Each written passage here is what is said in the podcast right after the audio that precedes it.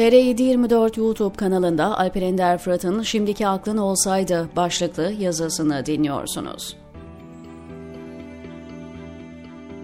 Türkiye'nin ve dünyanın en saygın anayasa profesörlerinden biri olan Profesör Ergun Özbudun sessiz sedasız bu dünyadan ayrıldı.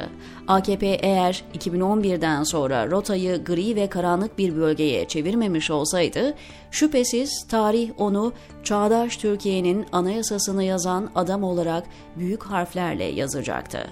2000'li yıllarda Türkiye uzun ve zorlu bir demokrasi yürüyüşüne başlamış, devlette öbeklenmiş çetelerin, karanlık organizasyonların üzerine gitmiş, özellikle ordu içindeki kriminal yapılar büyük oranda temizlenmişti. Ancak yüksek yargıdaki oligarşi hala devam ediyordu ve her demokratikleşme çabası yüksek yargı eliyle engelleniyordu. 12 Eylül 2010 referandumuyla anayasada yapılan değişiklikler bu oligarşinin işini çok ama çok zora sokmuş. Türkiye demokratikleşme adına dev bir adım atmıştı. Hükümet 12 Haziran 2011 seçimlerine giderken referandumla attığı dev adımı tamamlamak, Batı standartlarında çağdaş ve demokratik bir anayasayla bu süreci sonlandırmak istediğinin sözünü veriyordu. AK Parti, Türkiye'yi AB'ye tam uyumlu hale getirmek için evrensel değerler ışığından yeni bir anayasanın gerekliliğini kabul ediyordu. Bu anayasa Türkiye'nin tam bir demokrasi volesi vurması, ülkeyi çetelerden ve oligarşik bürokrasiden kurtarması anlamına geliyordu. İşte bu vaatle girdiği 12 Haziran 2011 seçimlerinde %50'ye yakın oy aldı. Bütün kamuoyu AKP'nin seçim öncesi verdiği batı standartlarında yeni bir anayasa sözünü tutmasını, ülkenin büyük ilerleme kaydettiği demokratik yürüyüşünü tamamlamasını bekliyordu.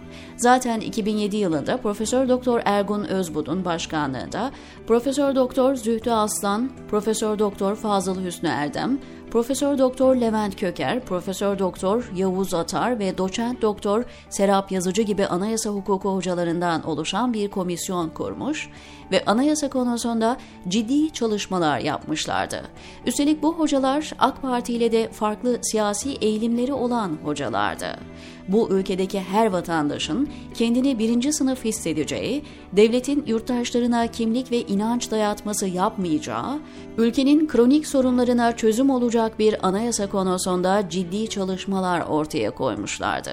12 Haziran 2011 seçimlerinden büyük bir zaferle çıkan ve büyük bir siyasi güç elde eden Recep Tayyip Erdoğan, yol ayrımında ya sağa ya sola dönecekti. Ama o 10 yıldır yeminle söylediği sözleri bu son seçime girerken de söylemiş, evrensel hukuk rehberliğindeki yoldan ilerleyeceğine herkesi ikna etmişti. O yol ülkeyi demokrasi ve batı standartlarında bir hukuka götürecekti ve kendisi de tarihe altın harflerle yazılacaktı. Ama o sözünü tutmadı ters tarafa Orta Doğu'ya dönmeyi seçti. Türkiye'nin makus talihini değiştirecek adımı atmak yerine elde ettiği siyasi gücü ülkeyi tam anlamıyla çamura saplamak için kullandı.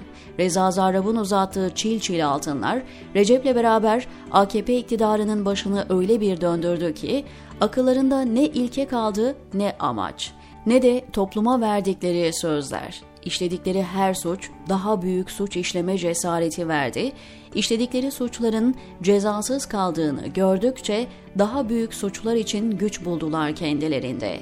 Girdikleri dönülmez yol onları bugünlere kadar getirdi.